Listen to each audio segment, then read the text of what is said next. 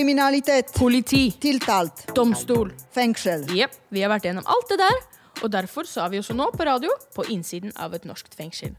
Jeg heter Guinevere og har med meg Helga. Hei, hei. Du Helga, vet du hva? I dag så møtte jeg narkobikkja, og den sniffa på meg. Du vet den bikkja som har vært på TV på Hundepatruljen? Ja, det kjenner jeg til. Ja, den sniffa på meg. Markerte den på deg? Å nei! Vet du hvorfor? Eh, nei. Fordi jeg ikke driver med kriminalitet. Nei, det gjør jo Jeg mente narkotika. Nei, det kan du si. Eh, eh, det gjør ikke jeg heller. Det er jo kjempebra. Da er vi reine. Yes, det er vi. Ok, Hva er det som kommer til å skje i løpet av sendinga? Jo, lille Norge har den største andelen kvinnelige innsatte i Europa per innbygger. Eh, Hvordan har dette skjedd? Dette skal vi finne ut i dag i sendinger. Yes, det er helt riktig, det. Og når man er dømt til en fengselsstraff, så er du også egentlig dømt til å la dine intime hudfolder forbli urørte og støve ned som en eller annen slags pyntegjenstand på en hylle. Og derfor så skal vi ta for oss nettopp myten sex i fengsel. Eh, Men når man har sex, kan man få barn, ikke sant, Miss Guinea Pig? Jo da, så lenge du ikke er sterilisert eller ikke bruker prevensjon, så kan du selvfølgelig få barn. Eh, Men da er det viktig å få håpe at barnet ikke blir barneraner. Nei, det får vi bare krysse fingra for. For at vi får besøk av regissøren eh, Jan Haukland, som eh, vil ta en oppgjør med norske rettsvesen etter at han har laget den dokumentarfilmen om barneranere. Da har du fått lyte litt i hvert fall om hva som kommer til å skje i løpet av sendinga. Vi kjører Røverradio.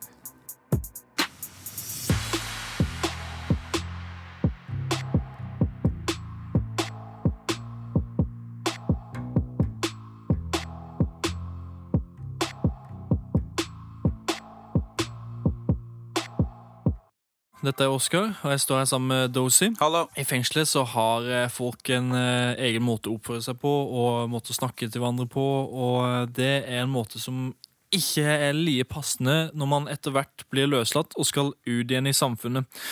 Og i den anledning så har eh, vi eh, tenkt å diskutere noen punkter om eh, hva som er greit og ugreit etter en løslatelse. Ikke sant? Og Dozy, åssen er det hvordan, Hva er det man ikke skal gjøre? Vi sitter jo her fordi vi har gjort kriminelle handlinger. Eh, Jeg syns det ikke er greit å for eksempel sitte på bussen og høre en, en røverhistorie om hvordan han tjente 100 000 i går, eller hvordan han banka opp en kar, eller hvem han rana i går og sånne ting. Det, Ja, det, det det syns jeg ikke er greit, altså. Det er ikke passende, det. Altså. Det er ikke Det er ikke det i det hele tatt. Åssen øh, åssen er det med piss i vasken og sånt, da? Det er et uh, kjent fenomen her i fengselet. Det er det. faktisk. Eh, det er ikke mange som vet uh, det på utsiden, men, men, men det skjer faktisk her inne. Det er ikke så mange som vil innrømme det her inne heller, tror jeg. faktisk. Nei, det, er, det stemmer nok det. Men, men det skjer. Det må jeg bare ærlig innrømme. Og det er også en av tingene som da ikke er greit på utsida. Spesielt hvis du har en samboer eller barn, eller eh, hvis du bor hjemme hos mora di, liksom, så er det ikke smart å pisse i vasken. Altså, ikke pisse i vasken, og ikke drite i pose og kaste og- ut Og vinduet. kaste ut av vinduet. Nei, det er absolutt ikke akseptert, altså. Eh, og så er det andre ting vi gjør her inne, da, som er jo å lage mat i mikro. Eh, vi gjør det fordi vi ikke har andre muligheter, men eh, når vi kommer ut, så er det også en ting som eh, i hvert fall jeg personlig ser på som ikke greit. Altså Å lage all din varme mat i en mikro. Nei, nei, nei, nei, nei, nei. Det, det går ikke. Det går ikke, altså.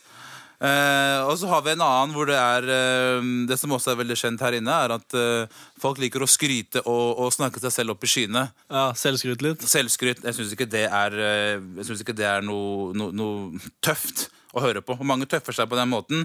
Jeg syns ikke det er greit å sitte og høre på en som driver og skryter av hvor tøff han er, og, og hva han har gjort her i livet. Liksom det. Altså, det er ikke det, og spesielt ikke ute i et streit, streitingmiljø, da. Ikke sant? Det er litt den der janteloven, men, men eh, noe ved janteloven er eh, greit å holde og respektere, altså. Eh, og så har vi også snakket litt om det der med at eh, alt, vi, alt vi gjør her inne, må vi melde fra til betjenter og sånne ting. Eh, hvis vi vil på toalettet, så må vi ringe på. Eh, det er også en ting da som eh, Hvis du leier en leilighet, eh, og de ringer til huseieren for å sette deg Og på toalettkø Og, og du har sittet lenge inne rett i forhånd. ja, ikke sant? Du har blitt, du har blitt akkurat løslatt, og du har sittet mange år i fengsel, og så ringer du huseier for å be han sette deg på toalettkø. No, no, no, no, no. Det er ikke Det er greit. ikke ok. Det er ikke ok. Uh, en annen ting som vi har snakket om, det er uh, å dra fram uh, stæsj ut av rett og slett rumpa. Altså, altså i, fengsel, I fengsel så blir man jo Da får man jo et klapp på skuldra hvis man drar ut et Kinderegg av Ja, med noe godsaker i. Men hvis eh, du sitter på nachspiel og drar ut en, en, en ball fra rumpa That's no, no, no! Det er ikke akseptert, altså. Nei, det er ikke ok i det hele tatt. Nå håper jeg alle dere som eh, sitter her inne, har eh, fått med dere det som har blitt sagt, så dere vet hvordan dere skal oppføre dere når dere kommer ut.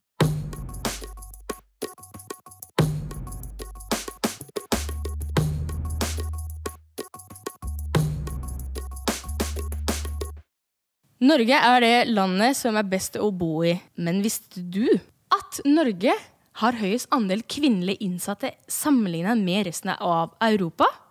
Jeg heter Miss Guinea og i studio står jeg sammen med Heidi.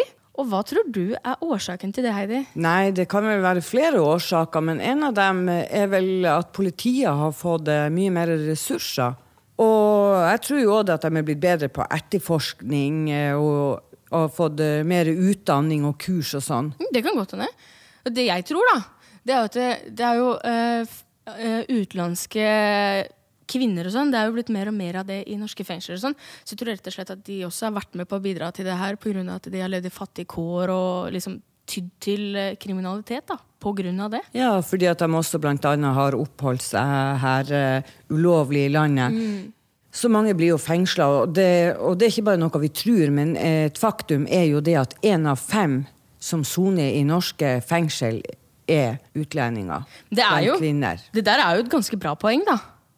Men, men jeg tenker sånn en, en faktor da, som jeg tror spiller veldig godt inn i her, er jo dette med likestilling. Fordi at Kvinner er jo ikke lenger den husmora som har stått på kjøkkenet og oppdratt barna. og sånne ting. Det er liksom ikke sånn som det var i gamle dager, når, når mannen var ute og arbeida. og sånne ting. Nå er det jo blitt litt sånn at hvis, da, hvis kvinnen ikke greier å skaffe seg arbeid, da, ja, nei, da er jo det kriminelle markedet også en stor løsning for dem, kanskje, da. Tror du ikke det? Jo, en av de tingene er jo det at familiestrukturen er blitt annerledes. Det er jo mindre sosial kontroll. Det er jo blitt et sekulært samfunn. Hva, hva, hva, hva, hva mener du med sekulært uh, Hva var det Jo. ordet du sa? Jo, jeg sa sekulært, og det er jo et samfunn uten religion. Det som styrer landet, er jo ikke religion, men loven. Ok, ok, Ja, ja. Det gir jo mening, da. Ja. Fordi det er jo sånn Norge er. Og ikke minst så er terskelen for å anmelde vold imot menn blitt mye lavere.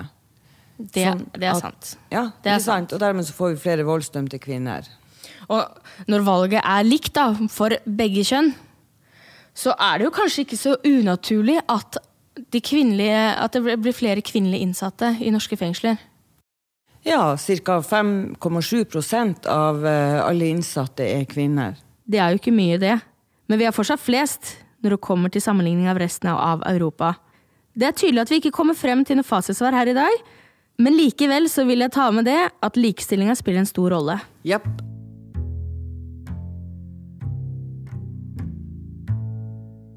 Innsatte i norske fengsler lager radio. Du hører Røverradioen i NRK P2.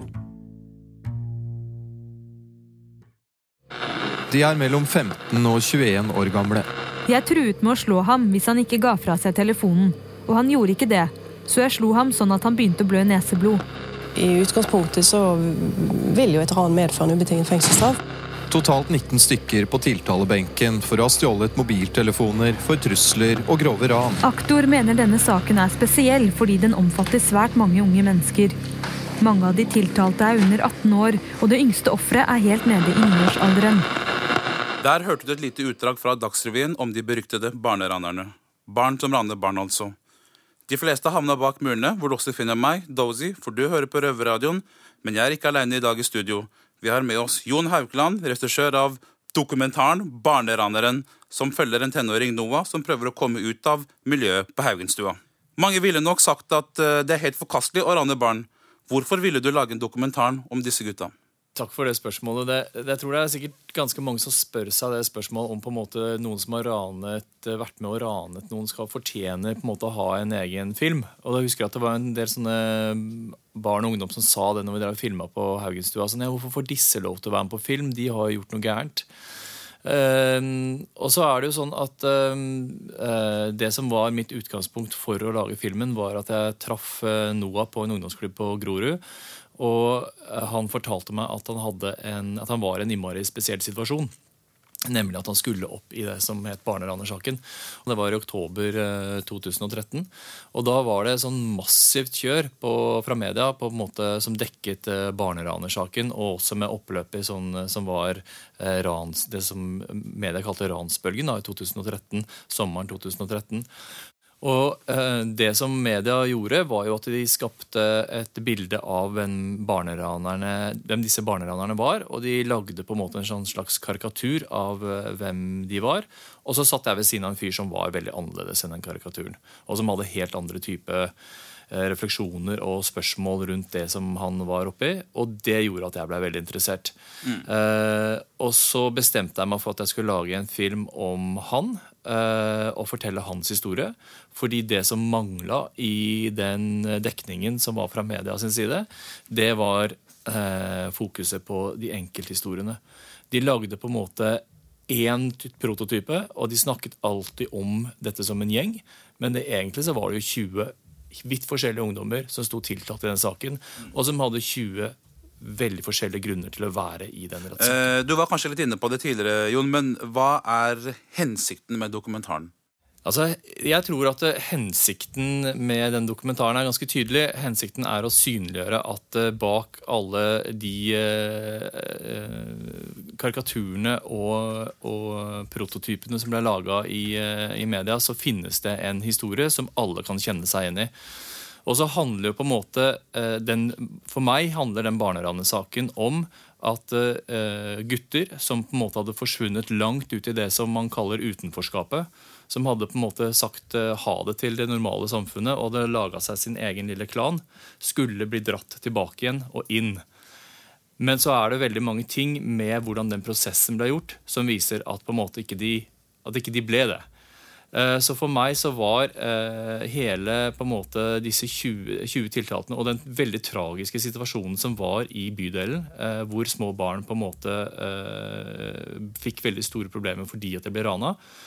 Men nå var det ikke bare små barn som ble rana, det var også jevnaldrende. Noah sin sak, eksempel, der var det jo en jevnaldrende gutt, eller faktisk en gutt som var ett år eldre enn Noah, som ble rana. Men det fikk store konsekvenser i bydelen. Men i det øyeblikket på en måte rettssaken var over, så var fokuset borte. Men for meg så har det vært viktig å på en måte stille spørsmålet hva skjer med disse gutta når de skal tilbake til samfunnet, og hvordan skal de tilbake til samfunnet? Etter ditt arbeid med dokumentaren Barnera, barn, 'Barneraneren', så har jo du gjort deg noen tanker om rettsvesenets behandling av barn. Hva er det med situasjonen i dag som får deg til å reagere? Ja, det, som, det, det som er problemet med, med rettsprosessen i dag, er jo at den er eh, laget for voksne. Eh, domstolsprosessen, alt det som foregår inne i eh, tinghuset eller andre domstoler i Norge, er på en måte en prosess som, og ritualer som er laget for å behandle voksne lovbrytere. Og det som jeg eh, savner, er jo, eh, etter å ha fulgt denne saken, er jo på en måte noen eh, reformer som gjør at det er tilpasset å dømme barn og ungdom som sitter tiltalt i saker. Det er mange grunner til det, men først og fremst så handler det jo om at det er et veldig sånn grunnleggende prinsipp at folk skal forstå hvorfor de er i en rettssak. Og det, er grunnleggende stiller spørsmål til, er om de barna gjør det. Nå som du har vært eh, flue på veggen og sett hvordan systemet fungerer og hvordan eh, miljøet er, hva slags straff tror du virker mest eh, rehabiliterende for de som begår denne typen kriminelle handlinger? Det, det som er problemet i Norge, er jo at eh, er, ikke det at eh, det ikke er eh, en forståelse for at barn og ungdom ikke skal i fengsel. Vi har allerede og jeg, og jeg er veldig enig i det. altså Barn og ungdom bør ikke gå i fengsel. Jeg har mange eksempler på at det er en veldig dårlig idé. Og det tror jeg det på en måte stort sett er en enighet om. Og så har man på en måte istedenfor funnet et system som heter ungdomsstraffen. Eh, ungdomsstraffen skal være et alternativ til soning i fengsel. Det jeg følger i Barneraneren, er jo Noah sitt møte med det som uh, kalles oppfølgingsteam, som er en del av, uh, av ungdomsstraffen. Hvor han uh, istedenfor å gå i fengsel, skal uh, gå gjennom et system som uh, kontrollerer livet hans. Sosial kontroll, ledet av konfliktrådet og politiet og barnevern og lærere og foreldre og alt mulig. Så skal han legge om livet sitt. For Noah sin del altså, fører det til at de blant annet bestemmer at han skal flytte til faren sin i Bærum, og at han skal slutte å ha kontakt med barndomsvennene sine. Og Så kan man diskutere på en måte om ungdomsstraffen uh, sånn som den ble satt i forhold til Noah, var bra. Problemet er jo at, eh, men problemet er at det er veldig få som i det hele tatt godtar å gå gjennom et sånt system. Fordi dette, dette her er samtykkebasert. I den rettssaken som Noah var eh, tiltalt i, nemlig den store barneranersaken, så var det jo 20 tiltalte. Men den eneste som godtok å gå inn i et sånn type samarbeid med politiet, det var Noah. Og der har jeg ganske mange observasjoner om hvorfor folk ikke vil ta nei, hvorfor folk ikke vil ta ungdomsstraffen og heller velger å ta sjansen på å havne i fengsel eller, eller få samfunnsstraff. Det handler om at denne type straff, ungdomsstraffen, eh, krever at du inngår et samarbeid med politiet. Men sånn som på en måte denne saken ble etterforsket og gjennomført, så var det veldig lite tillit mellom partene. Og Det krever en type tillit da, mellom den unge lovbryteren og politiet for at eh, lovbryteren vil eh, gå inn i et sånn ungdomsstraffeprosjekt. Hva tenker du om uttrykket 'problembarn'? Problemet er jo at systemet kan aldri til, bør aldri tillate seg å si at det er barnet som er problemet. Fordi eh, eh, sånn som det er i hvert fall i de oppvekstmiljøene som jeg skildrer i den filmen, så har du barn som på en måte har blitt utsatt for veldig omsorgs, for stor omsorgssvikt, og dessuten så kommer fra steder hvor de strukturelle tingene ikke er på plass, sånn som det er ellers andre steder i, i Norge. Og da er ikke problemet hos barnet, da er problemet i omgivelsene rundt, eller i den familien de kommer fra.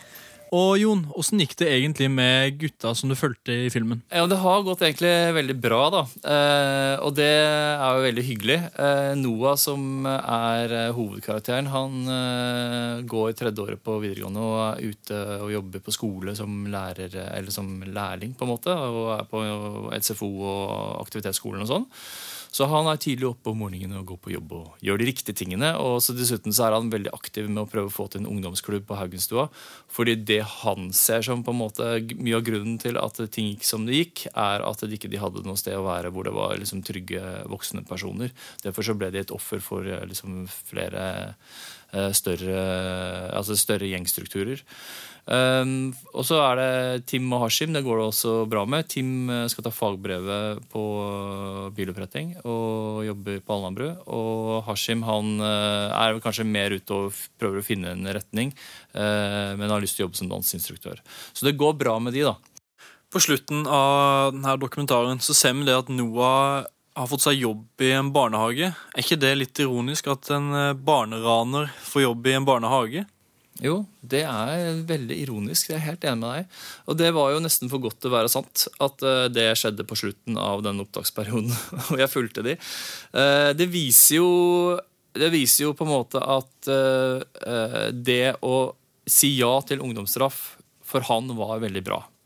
Fordi eh, Normalt sett så ville jo ikke han fått lov til å jobbe i barnehage. I Oslo i dag så er det jo sånn at har du en voldsdom på, eh, på deg, så er det vanskeligheter å få lov til å, å jobbe i, i, i, barnehage eller andre typer sånne type om, om, omsorgsyrker. Uh, så det at uh, han uh, tok, var villig til å gå inn i den samfunnsstraffen, nei, den oppfølgingsteamet og være med, på, og være med på det, gjorde at han fikk på en måte lov til det av samfunnet. Og det er jo en god, egentlig en god reklame for ungdomsstraff, eh, nemlig at du kan få, eh, få, få, få lov til å, å, begynne å jobbe igjen, og at det, volds, eh, de dommene du har, ikke ligger så, så ikke, for, ikke, stenger for videre eh, utdannelse. Eh, problemet er jo bare at det er veldig mange som sier nei til ungdomsstraffen. Og det handler om tilliten til politiet å gjøre. Innsatte i norske fengsler lager radio. Du hører Røverradioen i NRK P2. I fengselet så sier de gjerne 'du er ikke her for å få deg venner'. Jeg er Nora, og her er mine fem tips om hvordan du kan irritere dine medinnsatte. Og hvis du følger denne listen her til punkt og prikke, så kan jeg personlig garantere deg at du ikke får deg en eneste venn.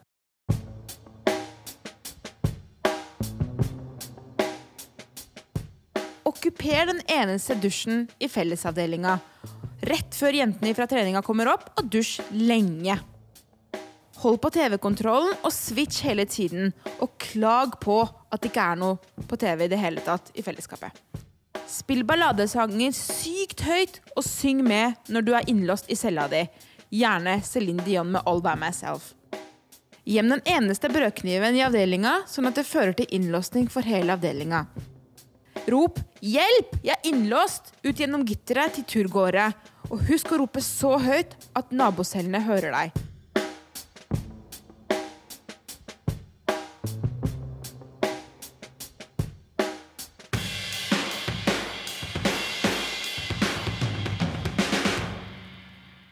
Nå skal vi ta opp en eldgammel og verdensomfattende diskusjon. Har størrelsen noe å si? I så fall, hva er best? Det store eller det lille? Nei, jeg snakker ikke om det du har mellom beina, men jeg snakker om størrelsen på fengselet. Med meg i studio så har jeg Tommyboy og Kenneth. Hallo. Gutta, dere har jo sona på diverse fengsler rundt omkring i landet. eh, Både store og små. Kan ikke dere gi oss noen fordeler og ulemper med, med den store eller eh, det lille fengselet, om hva som egentlig er best? Ja, kjør i gang, Tommy. Jeg syns det er best med stort fengsel. Hvorfor? Fordi det er mye mer sosialt. Det er flere folk, flere avdelinger. Hvis du går drittlei på den ene avdelingen, skal du besøke deg til en annen. Du Ja. har bedre skoletilbud. Du har eh, flere forskjellige jobber du kan søke på. Du har bedre treningsmuligheter. Her for eksempel, har vi egen idrettshall. I små fengsler eh, har de bare eh, en liten celle som er ombygd til treningsrom. Men blir det ikke, blir det ikke tatt mer vare på hvis det er jo færre mennesker fengselet har å ta vare på, jo bedre omsorg får du kanskje? Dere kanskje kommer til søknader og den type ting? Det har du helt rett i. Men nå skulle jeg si hva som er best i de store. Ja, Ja. og det er Det er det jeg sa. Ja. Pluss at uh, luftegården er jo mye større, da. Uh, I de små fengslene jeg har vært, i hvert fall, så er uh, ja, luftegården like stor som fire celler, sånn cirka. Så, og ikke noe utsikt, ikke noe vegetasjon, ingenting sånt. Nei, det er jo kjedelig, da. Det har du som regel rett i, og det er fordelen med store fengsler. Det er mer sosialt, det er mer skole- og jobbtilbud. Og luftegården er større, og det er mange flere avdelinger og mye mye mer mennesker. Fordelen med de små er at det er ikke så mange mennesker. Det er veldig stille og rolig. Det er en helt annen atmosfære. Relasjonene blir en annen. Innsatt til innsatt-relasjoner blir en annen. Ansatt til innsatt-relasjon blir en annen. Du trenger ikke å forholde deg til så veldig mange mennesker. Og det er greit nok, jeg, jeg personlig foretrekker små fengsler, og jeg kan leve med en liten luftegård. Ja. Jeg synes det går helt fint. Det, det veier opp så mye annet i de små fengsler. Ikke sant? Pluss av progresjon og hva skal jeg si for noe Hvis du brenner for noe da, i et lite fengsel, så er det veldig veldig enkelt å få til. For det er ikke alt det der byråkrati og 19 personer som skal behandle søknaden din. Og det, Mm. det syns jeg er veldig godt. da Og det er heller ikke flere hundre søknader inne samtidig. Det er det heller ikke. Og så er det, kan du også ha Du kan søke både fengseloverføring og permisjon samtidig. Det er jo veldig vanskelig å få til her. Da vipper de helt av pinnen. Men hvordan er det med psykiatrien i de, i de mindre fengslene? Er det noe type er det mindre, Forekommer det mindre type selvmord, eller er det mindre utagering på cellene? På Det små er det. fengsler? Små fengsler er stille og rolig. Folk blir tatt godt vare på der sånn, Mm. av både de ansatte og de innsatte. Som sagt, det blir, det blir en helt annen relasjon alle, til alle, holdt jeg på å si. Det er, så jeg vil tro det er mindre selvmord og sånne ting i små fengsler. Du er enig, Tommy? Ja, delvis. I det ene lille fengselet jeg har sittet i, der var det jo jævlig mye bråk. Ja. Slåssing og knusing av celler og tenning på Det var jo liksom hver uke. Mer enn her, faktisk. Ja vel. Det kan det jo I hvert fall på vår avdeling. Ok, gutta. Da vet vi det. Eh, smaken er eh, som baken. Den er delt på midten.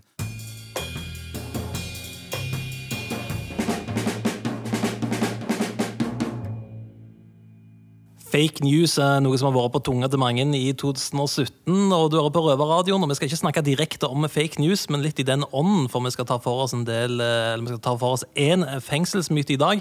Jeg heter Ola, sitter her inne i Bredtvet kvinnefengsel. Ikke innsatt, men ansatt i Røverradioen. Sitter her med Heidi og Miss Guinepeig. Ja, nei, du kan jo gå hjem du når du er ferdig her. Det stemmer. Men eh, Vi har jo ei Facebook-side med Skinnypig, ikke sant? og inne på den sida der skriver folk spørsmål til oss. Og så har vi bedt også folk om å sende en litt myte og påstander de har om fengselslivet, så dere her inne kan svare på dem og gi dem det reelle svaret, i motsetning til fake news. Sånn, da fikk jeg eh, gjort den litt logisk i den inngangen min. Så da fortsetter vi. Jeg må parafrasere dette, her, for det var litt slibrikt måten dette spørsmålet ble skrevet på. Og det er Hege som har sendt inn, og det hun i essensen skriver, er at så lenge du er i fengsel, så får du ikke pult. Sex? Det stemmer ikke. Det er mange som har sex i fengselet. Har du hatt sex? Med besøkende. Nå eh, snakker ikke jeg om meg, nå snakker jeg på generelt grunnlag. Så vet jeg det at det er flere som har Det ligger jo både laken og der er tørkepapir og alt, nettopp med tanke på dem som har sex på besøksrommene. Hege lurte på at eh, så lenge du er i fengsel, så kan du ikke få deg noe. Og det er i utgangspunktet feil. Men du sier med de besøkende. Det er kun de besøkende. Det fins jo kvinnelige eh, som tiltrekker seg andre kvinnelige her, da. Det er jo lesbian sex. Ja. Vi hadde jo eh, ei på avdeling, eller to stykker, da. Jeg husker det. Jep. Ja, Men er det lov? Og det var hyling og skriking. Det var sånn at vi hørte det ute. Jo, men det- jo, men det står vel. Det egentlig ikke lov. i reglementet at det faktisk ikke er lov. Fordi det står jo bare det at det ikke er lov med dildo pga. smittefare. Men den pleier jo å splitte eh, kvinnelige ja. ja. Ja, de gjør jo det. Men er det lov? Fra fengselets side? Vi har ikke sett det stå noe sted i reglementet, så Det er jo ikke et forbud, men policyen er nok at de ikke vil ha det, for de splitter folk som eh, de finner ut har et forhold. Men nå som det blir sendt på Røverradioen, så blir det nok skrevet i reglementet. Det gjenstår nok å se. Så sier vi takk til deg, Hege, som sendte inn denne flotte myten på Facebooken vår. Røverradioen heter den eh, for øvrig. Og får vi egentlig si som jenten nettopp sa, og det å havne i fengsel betyr ikke et liv i sølibat. Så du får nok leide etter alternative prevensjonsmetoder, Hege.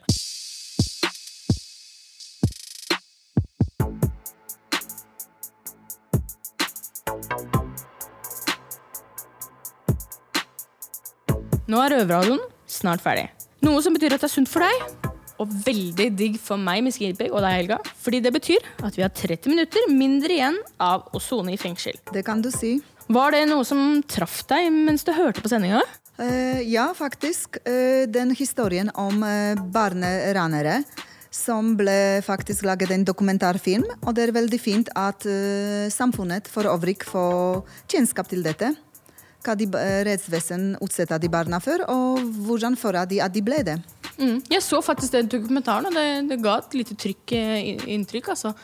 Men eh, jeg må jo selvfølgelig Nei, jeg, jeg greier ikke å dy meg. Jeg, jeg syns det er skikkelig bra da, at vi snakker om dette å ha sex i fengsel. Fordi det er så mye rare myter og rare tanker om hvordan det liksom foregår. Og, altså, det er mye tanker rundt det, da. Så jeg syns det er fint at vi fikk prata litt om det. da. Det er viktig.